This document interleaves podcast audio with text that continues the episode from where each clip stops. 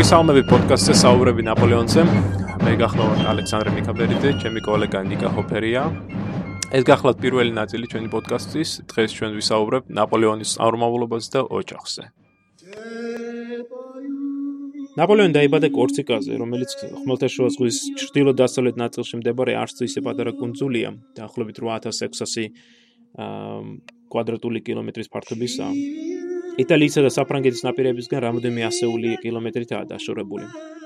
კონძულს ძალიან დიდი ისტორია და კულტურა გააჩნია, მათ შორის სახელგანთქმული სიმღერა, პოლიფონიური სიმღერა, რომელსაც აი ჩვენ ახლა ვისმენთ. კონძული მთაგორიანია და მე-18 საუკუნეში საკმაოდ გაუვალი ტყეებით იყო დაფარული. თები აა კორსიკას ორ ნაწილად ყოფენ, აღმოსავლეთ და დასავლეთ ნაწილებად. აღმოსავლეთ ნაწილი, რომელიც იტალიის ნახევარკუნძულისკენ არის მიმართული, ისტორიულად უფრო მჭიდროდ იყო დაკავშირებული აქ არსებულ სახელმწიფო სახელმწიფოებთან. რის გამოც იგი გაცილებით უფრო განვითარებული, უფრო დიდარი იყო ვიდრე დასავლეთი მხარე. კუნძულის მთავარი ნავთსადგურები, ბასტია, პორტოვეკიო, კორსიკის სწორედ ამ ნაწილშია განლაგებული.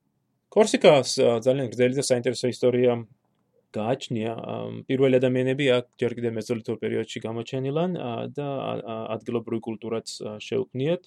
ანტიკურ პერიოდში კონძული ლეომოსილი კარტაგენის გავლენის ქვეშ მოექცა, თუმცა ჩვენ წელთაღრიცხვამდე მესამე საუკუნეში პირველი პუნიკური ომის შედეგად კორსიკა რომაელებს ჩაუვარდათ ხელში. რომაელებმა მონობის მძიმე უღელის გარდა კონძულზე თავის დიდებული კულტურაც მიიტანეს და კორსიკა მცირე ხანში არ ნახულად აყვავდა კიდეც.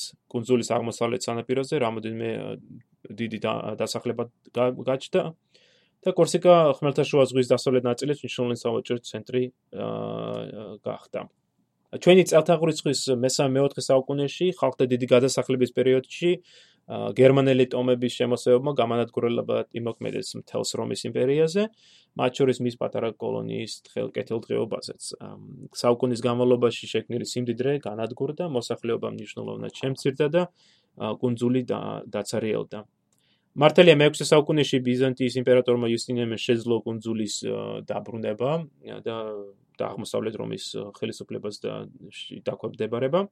მაგრამ დიდი ხნის განმავლობაში კუნძული ხელიდან ხელში გადადიოდა ხან გოთების, ხან ბიზანტიელების, ხან ფრანკების ხელში იყო, ხოლო მე-9 მე-9 საუკუნისათვის უკვე არაბებიც გამოჩნდნენ კუნძულზე, რომელმაც დიდი ხნის ბრძოლის შედეგ შეძლეს კუნძულზე გამაგრება.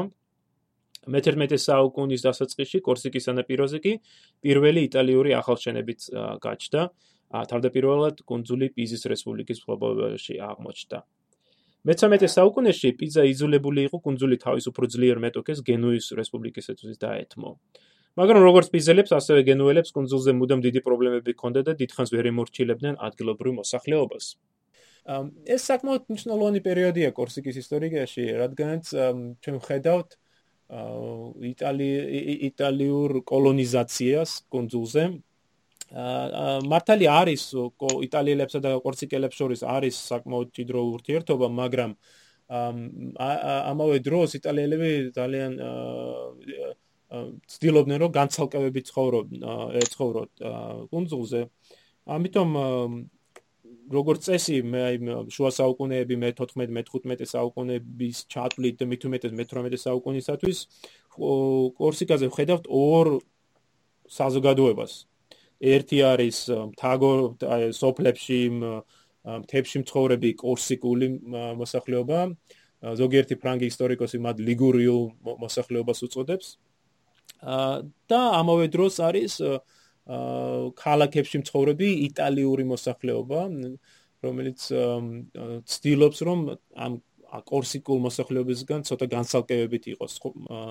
სხვა შორის ზოგიერთ ქალაქში ადგილობრივი კორსიკულ კორსიკელები კორსიკულ მოსახლეობას აეკრძალებოდათ შესვლა და ცხოვრება.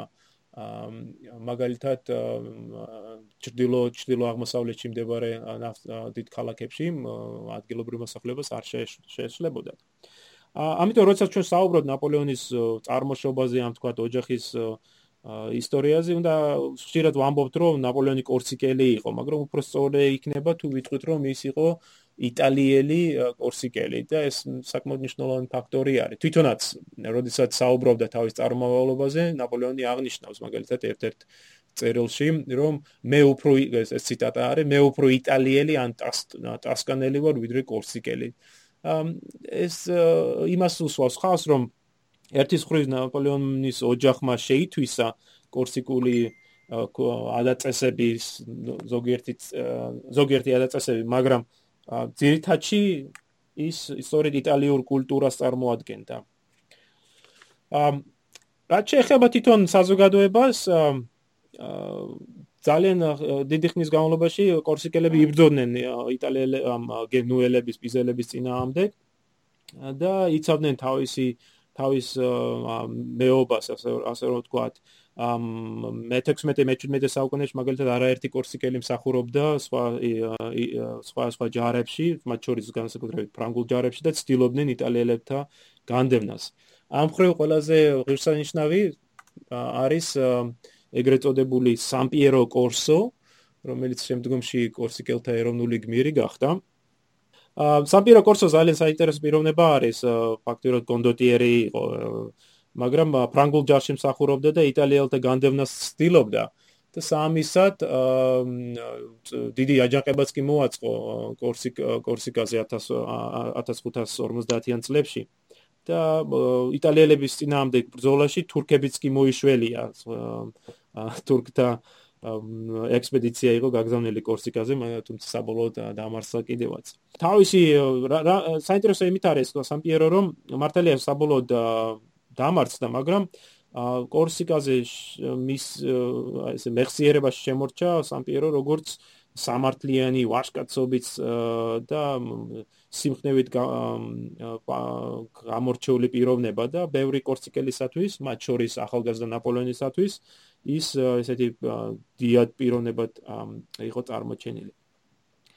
ამ 1750-იან წლებსში კი ახალი აჯანყება იფეთქა კონძულზე და მას სათავეში ახალგაზრდა პასკუალე პაული ედგა. პაული კიდევ ერთი გამოჩენილი კორსიკელია, რომელიც სხვა ბევრი კორსიკელების გავსად ნაპოლეონმა დარჩდილა. მაგრამ თავის დროს, აი 50-იან 60-იან წლებში პასკუალე პაული ბევრად უფრო სახელგანთქმული პიროვნება იყო. თანამედროვეები თვითონ კორსიკელები მას ბაბუს უწოდებდნენ და ბაბუს სწორედ მეტაურობდა კორსიკელთა აჯანყებას, რომელიც წარმატებით დაგურგვინდა 55 წელს. რა არის საინტერესო პაულის პაულის პიროვნებაში ის რომ ის მართალია ცხოვრობს პატარა კუნძულზე, თქვა პერიფერიაზე, მაგრამ ამავე დროს არის ევროპაში მიმდინარე ინტელექტუალური ცვლილებების განმანათლებლობის მოძრაობის აქტიური მონაწილე, საკმაოდ კარგად არის გარკვეული ამ მოვლენებში და სწორედ ძალოფლებაში მოსვლის შემდეგ ცდილობს და შექმნას ახალი საზოგადოება კორსიკაზე. მას აქვს ძალიან საკმაოდ ცნობილი გამოთქმა, რომ ჩვენ უნდა შექმნათ ახალი საზოგადოება, რომელიც ბროლის სახს უნდა გავდეს, სადაც ყველას უნდა შეძლოს დაინახოს თუ რა ხდება მასში. პაული 9 წელი ხელმძღვანელობდა ამ ახალ ახალ წამოწყებას და მისი ხელმძღვანელობით კორსიკელებმა დიდი სამუშაო ჩაატარეს, გაიყვანეს გზები, ააშენეს ხიდები, ჩაატარეს სასამართლო რეფორმა ქალაქ უნივერსიტეტი გახსნეს. სწორედ რომ ქალაქ ორტაში ხომ რომელიც გამოაცხადეს დედაქალაქად იქ დაარსეს მართალია უნივერსიტეტი. პაოლემ პირველმა თავის თანამამულოებს შორის დაარღვია ეს მრავალსაუკუნოვანი ტრადიცია ვენდეტა და გამოაცხადა ის დანაშაულად მისთვის სასჯელი დააწესა. ამავე დროს საკმაოდ ნიჭიერი მართველი გამოდგა პაოლემ კუნძულის ეკონომიკის აღმავლობის მიზნით თელ ევროპაში დევნილ ებრაელებს მიმართა. და მათ კონძულზე დასახლება და აქ თავიანთი წარმოების გადმოტანა შესთავაზა. ამ ამ ხრევზე აღსანიშნავია წერილი, სადაც წერს, რომ ციტატა ეს თავისუფლება არ ცნობს რწმენით განსხვავებას ეს უკანასკნელი ინკვიზიციისთვის დაგვითმიაო. ახლა შექმნილი სახელმწიფოს განმტკიცებისათვის პაოლი ყველანაირად ცდილობდა მაქსიმალურად გამოეყენებინა შვიდწლიანი ომი, რომელიც ევროპაში მძინვარება ამ დროს და აი დიდ სახელმწიფოებს შორის და პირისპირებას ცდილობდა რომ გამოიყენებინა მაგრამ საბოლოოდ საბჭოხარად ვერ გამოიყენა, რადგანაც საფრანგეთს ამ დროს სათავე საგარეო საქმეთა სამინისტროს სათავეში ედგა ძალიან ნიჭიერი და გამოცდილი დიპლომატი გრაფი ო ჰერცოგი ეტიენ ფრანსუა დე შუაზელი. საფრანგეთი დამარცხდა 7 წლიან ომში, მაგრამ და ამით სწორედ ამიტომ შუაზელს უნდოდა გამოესწორებინა მდგომარეობა და კანადაში ინდოეთში დაკარგული კოლონიების ნაცვლად ახალი კოლონია შეეძინა საფრანგეთისთვის. და აი 1763 წელს პარიზის შეთანხმებით საფრანგეთმა კი დაკარგა ეს კოლონიები, მაგრამ მომავალ წელს 64 წლის აგვისტოში აიძულა გენუის რესპუბლიკა დაახლოებით 40 მილიონი ფრანკის საფასურად მისთვის გადაეცა კუნძული. დაახლოებით 4 წლის განმავლობაში ემზადებოდნენ კუნძულის დასაპყრობა და 68 წლის გაზაფხულზე შედგა ფრანკთა შეჭრა შემოსევა ასე ვთქვათ კუნძულზე. მას ფრანგულ ჯარს სათავეში ედგა ესე პიროვნ საკმაოდ გამოჩენილი პიროვნება გრაფი ბვო რომელმაც შეძლო კორსიკელთა დამარცხება მათ შორის 9 მაისს პონტენოვოსთან გამართულ გადამწყვეტ ბრძოლაში და კუნძულის კუნძულის საფრანგეთის ოკუპაციის ქვეშ მოექცა რაც შეეხება პასკუალე პაოლის პონტენოვოსთან გამართულ გადამწყვეტ ბრძოლაში დამარცხების შემდეგ ერთი თვის თავზე ის თავის 340 ყველაზე ერთგულ თანამებრძოლთან ერთად ინგლისელთა გემზე ავიდა და იმიგრაციაში წავიდა. სამშობლოში დაბრუნება მან მხოლოდ 21 წლის შემდეგ მოახერხა. პასკუალე პაოლესთან იმიგრაციაში წასული 340 ადამიანის შორის ერთი ადამიანი არ ფიგურირებს. ეს არის კარლო ბონაპარტე, ნაპოლეონის ნაპოლეონის мама მართალია აა ნუ კარლო ბონაპარტე ბონაპარტე იყო პაულის ერთ-ერთი ყველაზე ესე ერთგული თანამებრძოლი მაგრამ ნუ შემდგომში აღმოჩნდა რომ მან გააკეთა სწორი არჩევანი და საფრანგეთის ოკუპაციის თქო მიემხრო საფრანგეთს იმის შემდეგ რაც მათ დაიპყრეს კორსიკა. ნუ რაც შეიძლება ითქვას ბონაპარტების გვარზე, ბონაპარტები არ იყვნენ წარმომავლობით კორსიკელები, ისინი იყვნენ იტალიელები, როგორც აღნიშნეთ. ფლორენციული წარმომავლობის გვარი იყო და ხო ფლორენციის მახლობლად ცხოვრობდნენ პირველი ბონაპარტები. ამბობენ რომ ითვლება სადაც მე-13 საუკუნიდან არსებობს ეს გვარი პირველად გვხვდება ასე თქვა წყაროებში მე-13 საუკუნეში, მაგრამ კორსიკაზე უფრო გვიან დასახდნენ ბონაპარტები. ეს მოხდა მე-15 საუკუნეში პირველად. იყო ვინმე ჯოვანი ბონაპარტე რომელიც 1483 წელს გადასახლდა კორსიკაზე. თუმცა არ ვიცით მიზეზი რატომ გადავიდა ეს კორსიკაზე ამ დროს მაგრამ სამაგიეროდ უფრო დეტალურად დეტალური ცნობები გვაქვს მისი ვაჟის ფრანჩესკოს შესახებ რომელიც 1529 წელს გადავიდა კორსიკაზე, ვიცით რომ ფრანჩესკო მონაწილეობდა საღვთო რომის იმპერიასა და საფრანგეთს შორის მიმდინარე დაპირისპირებაში იტალიურ ომების სახელით არის ცნობილი ეს დაპირისპირება. მეარბალეტე იყო ამ ომის პერიოდში საერთოდ იტალიელები როგორც გენუელები და თქვა ფლორენციელები ცნობილი მეარბალეტეები იყვნენ შედეგებდნენ ევროპის არმიებში მათ და ფრანჩესკოს გადასახლების შემდეგ ნუ ეს გვარის რაღაც ნაწილი კურსიკაზე აღმოჩნდა, მაგრამ მთლიანად ბონაპარტები ბონაპარტეები არ გადასულან კურსიკაზე იყო იყო იტალიაში ცხოვრობდნენ კვლავ ამის შემდეგ ну ისინი სამი საუკუნეც ცხოვრობდნენ თითქმის უკვე კურსიკაზე იმ დროისათვის, როდესაც ნაპოლეონის ან ნაპოლეონ დაიბადებოდა ასე ვთქვათ. ნაპოლეონის мама კარლო ბონაპარტე არც ისე მდიდარი ანუ მდიდარი იყო ნუ ეს გვარი კი იყო წარმომავლობით აზნაურის ტორფასი მაგრამ უკვე ამ დროისათვის განსაკუთრებულად მდიდარი და გავლენიანი აღარ იყო კორსიკაზე ამას ოდიაშვილის თქმის არ იყოს შემოდგომის აზნაურის ოჯახიდან აი დაახლოებით მსგავსი ვარიანტი ამას თვითონ ნაპოლეონის მამაც ხელს უწყობდა რადგან როგორც ძალიან აზარტული და ფლანგველი კაცი იყო და თქო თავის ქონება გაფლანგა დიდი ნაწილი. ნუ ბონაპარტის ბონაპარტები უკვე იმის შემდეგ უკვე რაც ხელმეორედ რევოლუციის პერიოდში კორსიკაზე დაიწყო კლავარეულობა, შემდგომ უკვე საფრანგეთში გადავიდნენ და თქვა ამ გვარის ისტორია უკვე ძალიან სხვანაირად განვითარდა და ნაპოლეონმა საერთოდ სოფლიოში ერთ-ერთ ყველაზე ასე ვთქვათ ცნობილ გვარად და საერთოდ საიმპერატორო დინასტია დაქცია შემდგომ ნუ რთული წარმოსადგენია თუმცა ეს რაღაც კორსიკული კორსიკაზე მცხოვრები იტალიელების ოჯახი შემდგომ თქვა ევროპის სათავეში მოექცა რაღაც გარკვეული დროის განმავლობაში ნაპოლეონს როცა ერთხელ კითხეს საით სადაური ხარო ამ ესე უპასუხა მოკლედ მე წარმოშობით მონტენოტედან ავარო და გულისხმობდა ამ ამაში თავის პირველ გამარჯვებას ავსტრიელებზე ჭრდილო-დასავლეთ იტალიის მანამდე უცნობ და უსახელო ქალაქ მონტენოტესთან. ამ მხრივ მართალია რომ სწორედ მისი ამ ამით ეს ხას უსვამდა თავის მიღწევებს, მაგრამ რა თქმა უნდა მის ოჯახმა დიდი წვლილი ითამაშა ნაპოლეონის წარმატებაში გარკვეულწილად.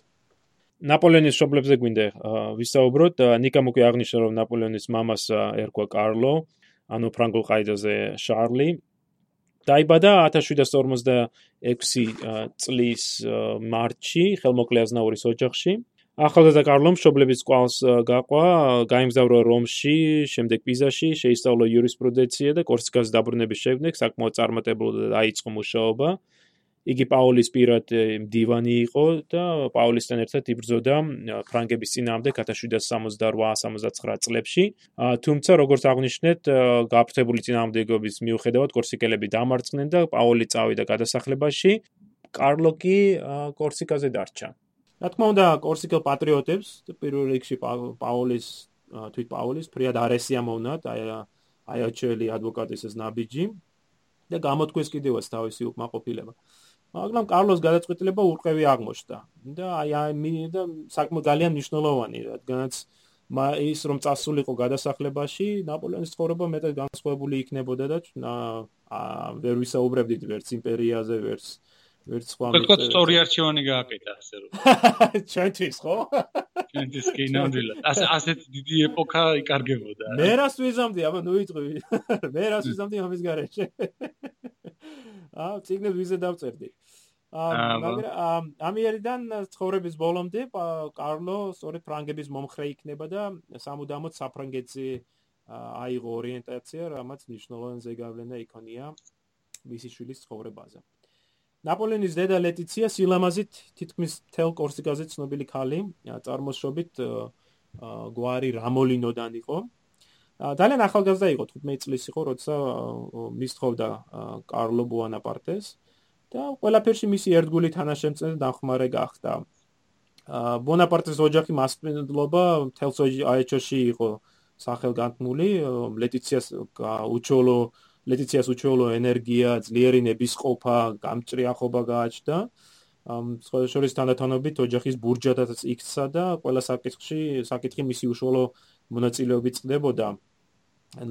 ნაპოლეონი მე მგონი აღნიშნავს კიდევაც ამას როცა ამბობს რომ დედა დედამისი მამაკაცის თავი დედაკაცის მხრებზეო ასე აღწერს. აა თვითონაც ხომ თვითონ ნაპოლეონიც ბევრწილად დედამის დაემსგავსა. შემდგომში აღნიშნავს კიდევაც, რომ ნებისყოფა, შრომის მოყარეობა, საკმეში მткиცე წესრიგი სწორედ დედამისგან დაყვა. თუმცა ერთი რითაც არ დაემგონა, იყო ეს რელიგიურობა დედამისისა. ამ ამაში მამამის უფრო დაემგონა ნაპოლეონის. ხო, მე გითხარი ცოტა აბა მამამისის არა. მამამისი ძალიან ისეთ კარგი მწოდნე იყო ფრანგი განმანათლებლების იდეებისა, ჟანჟაკ რუსო, მონტესკიე, ვოლტერი მან კარგად იცოდა და თქვათ იზიარებდა მათ скеპტიკურ განწყობილებას კათოლიკური ეკლესიის მისამართით. შესაბამისად ნაპოლეონის мама თქვათ ის იყო განწყობილი ძალიან ეკლესიის მიმართ, რომ აი თავის ქორწინებაზეც კი ის რელიგიური ცერემონია, თქვათ უარი თქვა რელიგიურ ცერემონიაზე. და საერთოდ მიაწერენ მას პამფლეტებს რომელშიც ეკლესია აკრიტიკებს ასე თქვა შესაბამისად ნაპოლეონიც როგორც ვიცით უკვე ბავშვობიდანვე თქვა არ არისო თქვა ეკლესიური დიდად და ვერძლებდა ეკლესიაშიო საერთოდ ყურადღება ეფანტებოდაო და არის ესეთი ფაქტი მისი ბავშვობიდან ცნობილი თქოს როგორ მოაწყო მან ბავშვების სხვა სხვა ბავშვებთან ერთად რაღაც რელიგიური ცერემონიის იმიტაცია.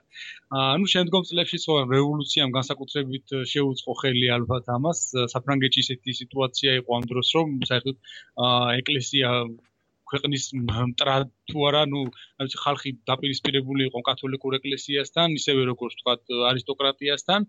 აა და ნუ ნაპოლეონი არასოდეს აღარ ყოფილა თავის ცხოვრებაში რელიგიური ადამიანი, მაგრამ დედამისი ყოველთვის, ანუ თავის სიცოცხლის ბოლომდე რჩებოდა მორწმუნე ისეთივე როგორც იყო, რომ მორწმუნე და იტალიელი კათოლიკე ქალის სიმბოლოა, ასე ვთქვათ.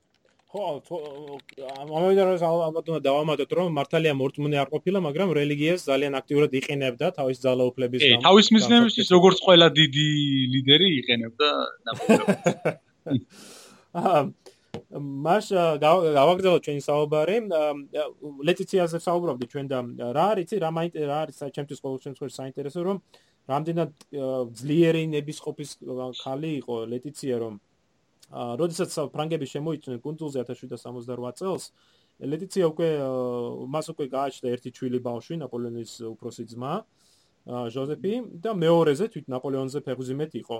და მიუხედავად ამ ფეხბურთიმობისა ლეტიცია ქმრის რაზმს მუდამ თანახდა ხშირად გადიოდა ბრძოლის ველზე ასრულებდა სხვადასხვა დავალებებს ახნევებდა მებრძოლებს და ფაქტურად თავისი ქმრის სიძნელეებს ყველა სიძნელესა და სიმძიმეს თანაბრად იზიარებდა. ნაპოლეონის შემდგომში იტყვის კიდევაც რომ საბრძოლო ყიჟინა და ზარბაზნების სროლის ხმაო ჯერ კიდევ დედის მუცელში მესმოდაო. აა ლედიცია საკმაოდ გრძელი და შეიძლება ითქვას წარმატებული ცხოვრება ხვდა წილად.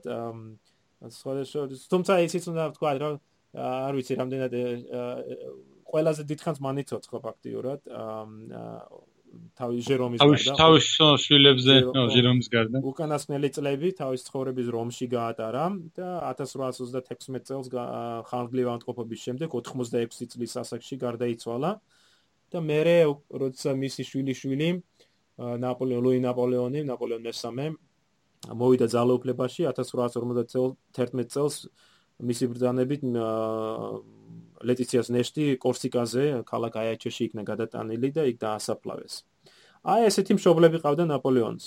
მას არასოდეს უცდია სხვების მსგავსად თავის წინაპართან მეფური წარმომავლობის გამოგონება, რისთვისაც სამაგიეროდ შემდგომში ცდა არ დაუკლია სხვა სხვა რანგისა და წოდების მლიფნელებს და კარიერისტებს, რომელსაც ლეომოსილი იმპერატორის გულის მოსაგებად უამრავ უამრავ ჰიპოთეზებს და თეორიებს იგონებდნენ, ზოგიერთი მათგანი ჯერ ჯერ კიდევ პოპულარულია ხო ზოგიერთ პიროვნებად ადამიანს შორის მაგრამ ნაპოლეონი ასე ცდებს ყოველთვის უარყოფითად ეკიდებოდა და ხშირად დასცინოდა კიდევაც მათ ამ ნაპოლეონი დაიბადა 1779 წლის 15 აგვისტოს. კათოლიკეები ამ დღეს მარიამობას აღნიშნავენ და წესსამებერ ყველა მორწმუნე ეკლესიაში იყო წირვაზე წასული. მოულოდნელად წირვის დროს ლედიციას სამშობიარო ტკივილები დაეწყო. ქალი მაშინე სახლისკენ გამოქცეულა, მაგრამ როგორც ჩვენ საოჯახო ტრადიცია გვამცნობს, საწოლ ოთახში შესვლა და ვინმე საშუალად დაძახებას ვერ მოუსწრია, ისი უმშობიარებია მისაღებში. ყველაფერი იმდენად სწრაფად მოხდა, რომ ახალშობილი ამ ტრადიციის მიხედვით, კმულების მიხედვით, იატაკზე დავარდნილა, დავარდნილა, იატაკზე დაბადებულა და იქ თორმე ძლევო ძველებურმა ნოხმა თავისებური დამცველის როლი შეასრულა და ახალშობილს არაფერი მოსვლიაო. რა თქმა უნდა, რეალობა ცოტა უფრო პროზაული იყო, ნორმალურად შობიარობა ნორმალურად ჩაიარა ოთახში, საძინებელში და ნაპოლეონი დაიბადა 15 აგვისტოს. ნაპოლეონი კარლოს და ლეტიციას რიგით მეოთხე შვილი იყო. ანუ წვილის პირველი ვაჟი ჯერ კიდე 65 წელს დაიბადა, მაგრამ რამოდენმე თვეში გარდაიცვალა. 67-ში ბონაპარტე შეეძინათ ქალიშვილი, რომელმაც ასევე რამოდენმე თვე იცოცხლა მხოლოდ. ამის შემდეგ 1768 წელს დაიბადა ნაპოლეონის უფროსი ძმა ჯოზეფი. ჯოზეფი ძალიან საინტერესო პიროვნება არის, თავისი როგორც პიროვნება, ხასიათით ძალიან ბევრი საინტერესო რამ არის. მაგრამ საფრთხე დაჭრილულია ამ ნაპოლეონის მიერ. ისევე როგორც დანარჩენი ისი ხო სულ რამდენი რამდენი იყო სულ აა სულ 7 დაძმა ყავდა ნაპოლეონს, ანუ 8 8 იყვნენ, თუმცა როგორც ვიცით 13 შვილი ყავდა ლეტიციას, მაგრამ 8 გადარჩა. ამათგან რაც ნუ იმ დროისათვის აა ასე თქვა კარგი შედეგი შეიძლება ითქვას რომ არის ნამდვილად იმიტომ რომ ძალიან ხშირი იყო ნუ ბავშვებში ის ისუათად რომ თქვა გადარჩენა ძნელი იყო თქვა თუ რაღაცა დაავადების ანას გადატანა მოუწევდა ახალგაზრდულ ასაკში. აა ნუ ნაპოლეონის ერთ-ერთი უფროსი ძმა ყავდა როგორც აღნიშნეთ ჟოზეფი, საფრანგეთში ჟოზეფი დაერქვა, მაგრამ ნუ დაბადების სახელით იყო ჯუზეპე. აა მართლაც საინტერესო პიროვნება იყო. თავდაპირველად ის ასე ვთქვათ, მამის ყვალს გაყვა, იმიტომ რომ იურისტი იყო მამასავით. აა 500 საბჭოს წევრიც კი გახდა შემდგომში, ვთქვათ, საფრანგეთში პოლიტიკური კარიერა გაიკეთა აა ჟოზეფმა. აა სხვადასხვა დროს იყო ელჩი რომში, საფრანგეთის ელჩი. აა და ყველაზე ალბათ ნაპოლეონის ძმებიდან გამორჩეული არის იმით, რომ ორი სამეფოს მეფე იყო სხვადასხვა დროს ნაპოლეონის ანუ იმპერატორობის ხანაში ჯერ იყო ნეაპოლის მეფე დანიშნული, შემდგომ კიდე ნაპოლეონმა გადაიყვანა ახალად დაკავებული ესპანეთის მეფეთ და ამ პერიოდში ნუ ძალიან დიდი სიზნელეების გადალახვა მოუხდა ჟოზეფს, რადგან ესპანეთში მიმდინარეობდა ყველაზე თქვა ძიმე ომი ერთ-ერთი ნაპოლეონის ეპოქის ომებს შორის. აა და ნუ საბოლოოდ შეიძლება ითქვას, რომ ჟოზეფის ცხოვრება და კარიერა აღსანიშნავია მის სხვა დაძმებს შორის. ერთ-ერთი ყველაზე საინტერესოც არის და ნუ თქვათ ჟოზეფზე შეიძლება თქვათ ისიც რომ არ იყო თქვათ იმდენად თქვათ არც უნიჭო იყო არც თქვათ განსაკუთრებული უნარები არ გააჩნდა როგორც ნაპოლეონი მაგრამ ეს იყო ნუ ადამიანი რომელსაც შეეძლო ასე ვთქვათ რაღაცის გაკეთება ნამდვილად იმიტომ ნაპოლეონმა მას ნიანდო ვთქვათ ჯერ ვთქვათ ნეაპოლის მეფე დანიშნა ესპანეთის მეფე დანიშნა და მანამდე კიდევ რესპუბლიკის პერიოდში როდესაც ვთქვათ ნაპოლეონს არ გააჩნდა ძალაუფლება იმისა რომ ვთქვათ თავის ძმა დაეწინაურებინა თვითონაც მიაღწია თავისი ვთქვათ ნიჭით იმას რაც რაც უნდა ვთქვათ სასაბჭოს წევრობას მაგალითად.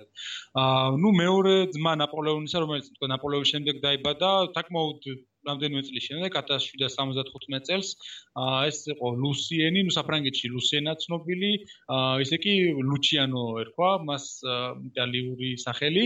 აა ძალიან საინტერესო პიროვნებაა ლუსიენი, ნუ კორსიკაზე, როდესაც თქვა საფრანგეთის რევოლუციის დროს ეს იაკობინური კლუბი დაარსდა, ლუსიენი აქტიური მონაწილე იყო ამ კლუბისა, ასე ვთქვათ, და ასეთი მეცახელიც კიდე ერქო ბრუტუსი.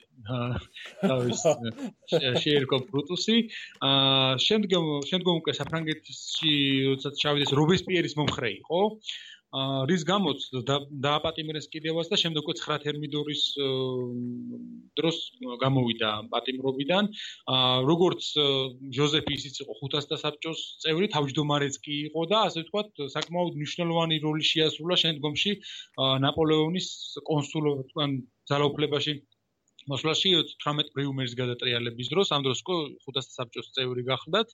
აა შემდეგ ნაპოლეონის კონსულობის პერიოდში შინაგან საქმეთა მინისტრის პოსტიც ეკავა, მაგრამ თუმცა საინტერესო ის არის, რომ შემდგომში ნაპოლეონმა ერთგვარად შერისხული ყავდა სხვა დაძმებისგან განსხვავებით და არ ყოფილა ლუსიენი არც მეფე და თქვა არც რომელიმე დიდი საერთოდოს საინტერესო ურთიერთობა ჰქონდა და საინტერესო ურთიერთობა კი ნამდვილად. იმიტომ რომ ლუსიენი ფაქტიურად ერთ-ერთი ერთ-ერთი იყო ძმებს შორის, დაძმებს შორის, რომელიც ნაპოლეონს აღუდგა წინ და აი სწორედ ამან შეუწყო ხელი ნაპოლეონის გაუარესება და არ ემორჩილებოდა თავის ძმას და აი თავისი მეუბნებს აწვებოდა. ჟოზეფისგან განსხვავებით მაგალითად ან ჟერომისგან ან ან ლუისგან. და ამან დიდი განხეთქილება გამოიწვია. მათ შორის მაგალითად ქორწინების ამბავში ლუსიენი დაკორწინდა იმ იმ ქალზე რომელიც უყვარდა. ალექსანდრინა ნაპოლეონს კიდე სხვისთვის სხვისთვის უნდა ხო? ხო და ნაპოლეონი ეუბნება და კაცო მე უფრო უკეთეს ვინმეს მოგიყვან ვინმე პრინცესა იქნება მეფის შვილი იქნება. ლუსიენმა არ მინდა კაცო ეს ალექსანდრინა მიყვარს და გავყვებით მომყავს სწავლათო და აი ამაზე დიდი პრობლემა შეექმნა. და შენ როგორც აღნიშნე დიდი წლების განმავლობაში ერთმანეთს არ ელაპარაკებოდნენ და ცხოვრობდა ცხოვრობდა ლუსიენი რომში თავის ოჯახთან ერთად. სხვა შორის ძალიან დიდი ოჯახი ჰქონდა, რვაშვილი გააჩინა ალექსანდრიტთან ერთად. ამ ლუსიენზე ჩვენ კიდევ ცალკე გავაკეთებთ პოდკასტს, რომ ალბათ კარგი იქნება თუ თითოეულ დაძმაზე გავაკეთებთ ცალ-ცალკე პოდკასტს, რომ გამიმოხილოთ მისი მათი მიღწევები თუ თუ ცხოვრების ორონტრიალი. მაგრამ ჩვენს სიაში შემდეგი მე ვინ არის ნიკა? მარიანა. აბა მოგვიყევ ერთი მარიანაზე. თქვა მარიანა ნაპოლეონის პირველი და იყო ასე თქვა ჯერ 4 ძმანი იყვნენ ასე 4-3 ძმა იყო და შემდეგ გაჩნდა მარიანა 1777 წელს ლუსიენზე 2 წლით უმცროსი იყო. თავდაპირველად მას ნუ ის საერთოდ ცნობილი არის სახელით ელიზა მაგრამ მისი პირველად სახელი იყო მარიანა ეს ელიზა უბრალოდ შეარქვა ლუსიენმა. სხვა რა საინტერესო მესამე ბავშვი არის, არა, მეოთხე ბავშვია, რომ მარიანას უწოდეს ამ კარლომ და ლედიციამ. დამონდომებული იყვნენ. პირველი სამი ბავშვი მარიანა რომლებიც გარდა დაიხოცნენ, ხო, ანუ მეოთხე მეოთხე მეოთხე ჯერზე გაუმართლათ. თუმცა კი ასე ვთქვათ რაღაცა დაწყებული სახელის გამოდიო მარიანა მაგრამ ეს მარიანა გადარჩა და საკმაოდ ნუ ძალიან ნუ 43 წლის ასაკში გარდაიცვალა პრინციპში მაგრამ ყოველ შემთხვევაში აა საინტერესო ცხოვრება ქონდა ვთქვათ ლუსიენთან იყო განსაკუთრებით დაახლოებული. აა მათ ერთად რაღაც კლუბიც კი შექმნეს შემდგომ რაღაც იწევდნენ სხვადასხვა მსახიობები და როგორც იყო საფრანგეთში ეს თქვა სალონური ცხოვრების ცხოვრებაში ჩაერთნენ უკვე შემდგომში და საერთოდ ყველაზე ახლო იყვნენ ერთმანეთთან ახლო ურთიერთობა ჰქონდათ თავის ამ დაძმას შორის ბონაპარტებს შორის. ეს ელიზა უკვე საფრანგეთში უკვე ამ სახელით გახდა ცნობილი მარიანა და ლუსიენ შერქმეული სახელით ნაპოლეონი ამბობენ საერთოდ რომ ელიზა ყველაზე მეტად გავდაო თავისი დაძმებიდან ნაპოლეონს გარეგნულადაც გავდაო და უფრო ესეთი ხასიათი ხასიათიცო გარეგნულად. ხასიათით წააგავდაო ხო რაღაც ესეთი უფრო სერიოზული გალი იყო. და ნაპოლეონმა სულ თავის იმპერატორობის პერიოდში ასაკვირველია როგორც სხვა თავის დაძმებს ლუსიენის გამოკვლევით. ელიზასაც მიანიჭა სხვა სხვა ტიტულები და მამულები, განსაკუთრებით იტალიაში, პიომბინოსა და ლუკას პრინცესა იყო ელიზა, შემდგომ უკვე ტოსკანის ჰერცოგინიაც კი გახდა და საერთოდაც ნაპოლეონის თქვათ სამდას შორის ერთ-ერთი ყველაზე თქვა გამორჩეული პიროვნება იყო იტალიაში თქვა თავისი კვალი დატოვა ასე თქვა.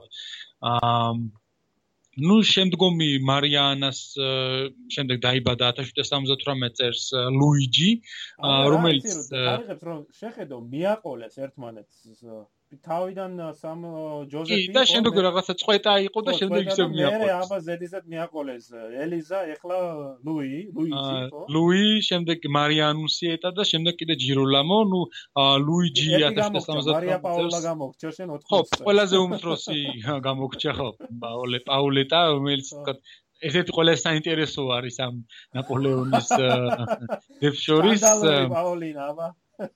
აა ну ლუიჯი ანუ ლუი 1773 წელს დაბადებული იმიტომ არის განსაკუთრებულად აღსანიშნავი ალბათ რომ მისი ვაჟი ნაპოლეონი ნაპოლეონ მესამე გახდა ის თქო საფრანგეთის იმპერატორი და ნაპოლეონის თქო ბონაპარტების მემკვიდრეობა მის მასზე გადავიდა. ლუი ანუ უმცროსი ძმა იყო რომელიც თქო საფრანგეთში ნაპოლეონის საფრანგეთში იყო და უმცროსი ოფიცერი იყო არმიაში მასთან გზავნიდა ხშირად დედა როგორც იცით და ნაპოლეონი ამეცადინებდა სხვადასხვა დისციპლინებში გეოგრაფიას და მათემატიკას ასწავლიდაო. აა ну ლუი კიდევ ანუ რაც არის სათქმელი აუცილებლად. ორტენზია დე ბოჰარნეს ქმარი იყო ნაპოლეონის მეუღლის ჟოზეფინას შვილის ორტენზია იყო. შილო ხო ასე თქვა ნაპოლეონში თავის გერის გერი გააყოლა ცოლად ორტენზია დე ბოჰარნე რომელიც ნუ ლუი როდესაც გახდა ჰოლანდიის მეფე დედოფალა დედოფალად იქცა ეს ორტენზია მეტად უიღბლო გამოდგა. პირადულად ძალიან განსხვავებულები იყვნენ ეს ლუი ძალიან ეჭვიანი კაცი იყო და ამ ჰორტენზია ხო ძალიან ერთ-ერთი ესეთი გამორჩეული სილამაზის ქალი იყო და ლუი მუდამ ეჭვიანობდა და რაც უფრო თავარია ლუი ღალატობდა თავის ცოლს ეხლა გასაკვირი არ არის მე-18 საუკუნეების გათვალისწინებით მაგრამ ამ ერთ-ერთი ამ ღალატის შედეგად სიფილისი აიკიდა რის გამოც ძალიან დიდი პრობლემები შეექმნა ჯანმრთელობის მხრიდან ეს ეს პრობლემები შემდეგ აისახა მის დეპრესიაში არა არაერთი გონებრივი პრობლემა შეექმნა. და ხშირად ქონდა ხოლმე შეტევები, ეს გონებრივი შეტევები, როდესაც ან დეპრესიაში ვარდებოდა, ან გიждდებოდა და ეს ცოლქრის ცოლქრის ურთიერთობა ამ დიდი დაღი დაესვა ამ ხრო. და ეს განსაკუთრებით შემდგომ წლებში, როდესაც უკვე მეფე მეფე გახდა ჰოლანდიის და მე ნაპოლეონი რო დამარცხდა, აი ეს ურთიერთობა ფაქტობრივად ისე გაუარესდა, რომ საბოლოოდ გაშორდნენ ერთმანეთს.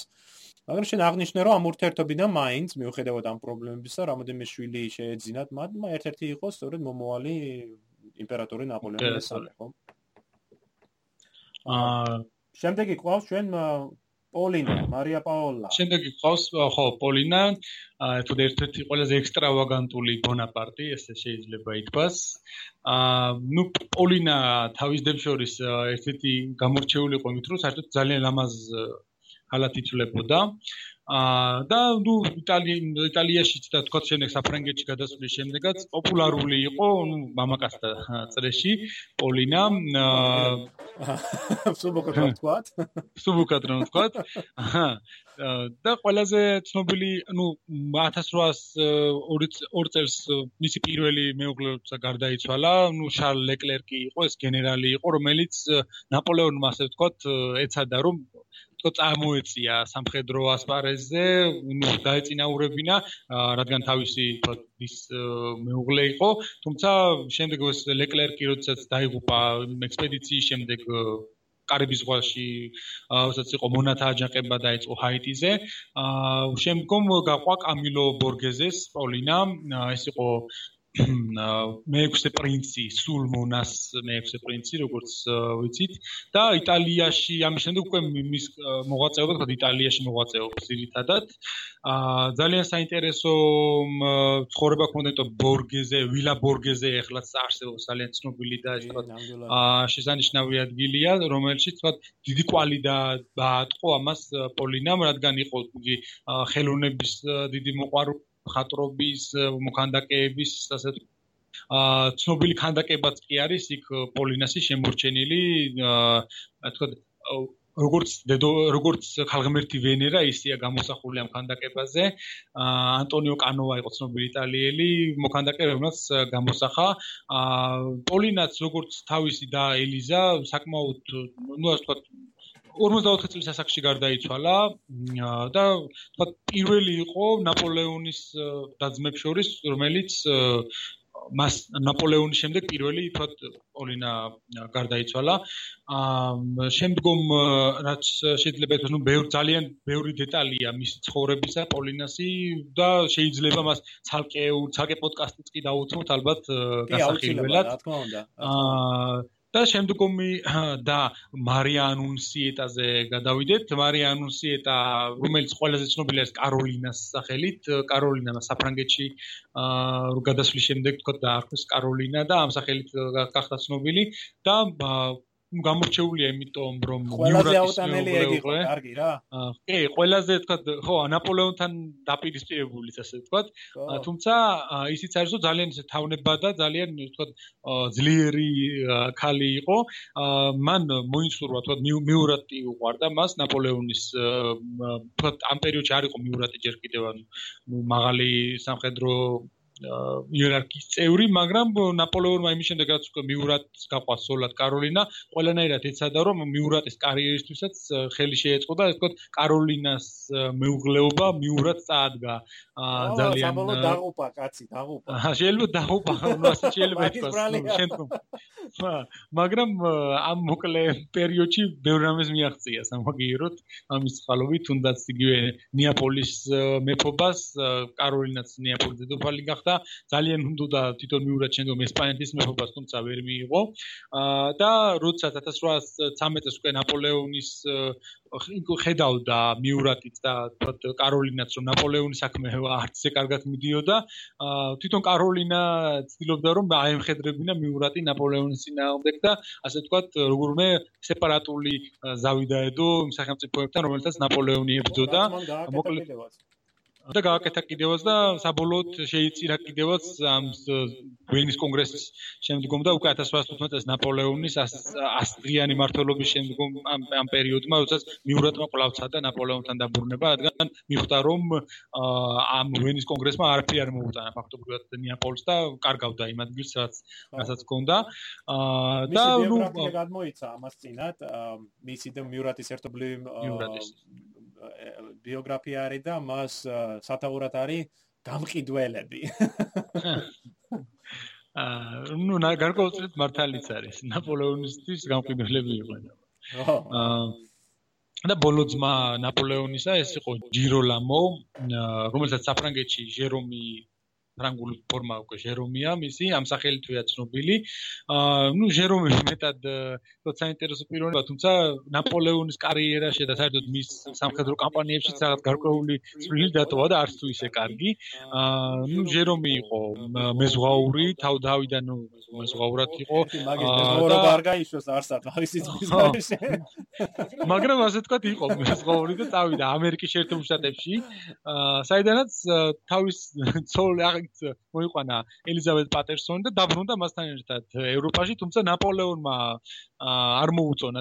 პირველივე თქვა ისეთი შემთხვევა რაც რითაც თქვა ნაპოლეონის განრისხება გამოიწვია იყო სწორედ ეს შემთხვევა. მან ეს ამერიკელი ელიზაბეთ პატერსონის მოიყვანა თქო ნაპოლეონმა უარი თქვა ანუ ეს კორწინების ანულირება მოახდინა ფაქტობრივად. ის ელიზაბეთი ჩამოყვა ჟერომს ნება არ მისცა საფრანგეთში ფეხი რო დაეცა საწუდავი გემზე დარჩა და მე ბრიტანეთში ცხოვრობდა გარკვეული დროის განმავლობაში ბავშვიც გაუჩნდა და შემდგომ უკვე რა თქვა არა ამ ქალს ბოლო-ბოლო ეს ჟერომი ნაპოლეონი მოკლედ თავის ნებაზე გააკეთა ყველაფერი მაინც როგორც სურდა.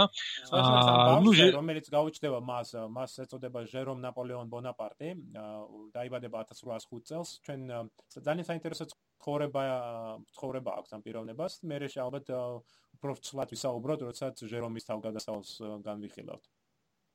ოკეი, მასთან ერთად შეიძლება მასეც აღინიშნოს, ну, ჟერომი ნაპოლეონის იმპერატორობის პერიოდში აა ყველაზე დიდია თქო რაც მიანჭა ნაპოლეონს ვესტფალიის მეფობა. აა საკმაოდ დიდი ნაწილი იყო გერმანიისა ვესტფალიის შემადგენლობაში, ასე ვთქვათ, ნაპოლეონის შექმნილი იყო ეს ვესტფალიის სამეფო, რომელიც ჭირდებოდა, ასე ვთქვათ, გერმანიის გასაკონტროლებლად ნაპოლეონს 1812 წელს ჟერო მონაწილეობდა რუსეთთან ომშიც და საკმაოდ წარუმატებლადაც ასე შეიძლება ითქვას რომ აბრალებენ კიდევაც რომს რომ ბაგრატიონის корпуსის მოქცევა ალყაში თქვა მისთვის ძის მოჭრა და განადგურება სწორედ იმის გამო ვერ მოახერხეს რომ ჯერომი არ მივიდა იქ სადაც უნდა მისულიყო მისი корпуსი ამასთან დაკავშირებით აი ალექსანდრე უფრო დაწვრილებით შეეხება იმიტომ რომ მის ხო დეტალურად აქვს შესწავლილი ეს თითოეული მოქმედება ამ ომისა. ნუ 1815 წელსაც მონაწილეობდა შემდგომ 1813 წელსაც და 1815 წელსაც სამხედრო კამპანიებში, ნუ განსაკუთრებით 1815 წელს ჟერომი ონორე რეილის კორპუსის დივიზიის სარდალი იყო ნაპოლეონის არმიაში და მონაწილეობა მიიღო ვატერლოოს ბრძოლაშიც, სადაც უგომონის ფორტის თქვა და აღებაში მონაწილეობდა მისი ნაწილი და წარუმატებელი გამოდგა ეს ურთიერთობას ყოველთვის საინტერესოა ძმებს შორის ბრძოლა ჟერომი ალბათ ლუისთან ერთად ყველაზე ნაკლებად ნიჭიერი არის ძმებს შორის. აა ეხლა თლად ნიჭო არ არის, მაგრამ ბუნებრივია ლუსიენთან ან ჯოზეფთან შედარებით. ხო, რასაკვირველია, ხო ჯოზეფი და ლუსიენი ასე გამორჩეულები. ნაპოლეონი მაინც ანდობს ამ კაც ძალიან მნიშვნელოვან დავალებებს, თუნდაც მეფობა, თუნდაც რუსეთში შეჭრა, თუნდაც ვატერლოოსთან ბრძოლა. და აი ამ ხშირად არის ხოლმე, როცა განვიხილავ ჩვენ აი ამ ოჯახურ დინამიკას და აი ურთიერთობას, რომ აი ნაპოლეონს თითქოს ბრმა იყო რა, აი თავის მეფთან მიმართებით, რომ სისხლის ჯაბნი და მაინც ყველაფერს იცოდა რა ქაკიც იყო ჟერომი და მაინც ანდობდა ასეთ მნიშვნელოვან დავალებებს რა. ნეპოტიზმი იყო მოკლედ. აუ, ზუსტად, ზუსტად. ჩვენ კი ვისაუბრებ თქვა ნაპოლეონის სისტემაზე და როგორ აფასებს. აბა, როდესაც დაუს დაუქვემდებარებ ჟერომს რა. რაზეა საუბარი არა? აბა. ასეთი დიდი მარშალი, ასეთი უნიჭო მხედართმთავრის ძალაუფლების ქვეშ ეს თქვა დაიჩაგრა ძალიან 1812 წლის კამპანიაში. მოკლედ, აი ესეთი იყო ნაპოლეონ ბონაპარტების ოჯახი, სულ როგორც ნიკა მაგნიშნა 8 ბავშვი, მშობლები. ძალიან საინტერესო ოჯახი და ჩვენ მას გადავერთვეთ ნაპოლეონზე და ნახოთ რა როგორი ბავშვობა და ახალგაზრდობა ქონდა მას.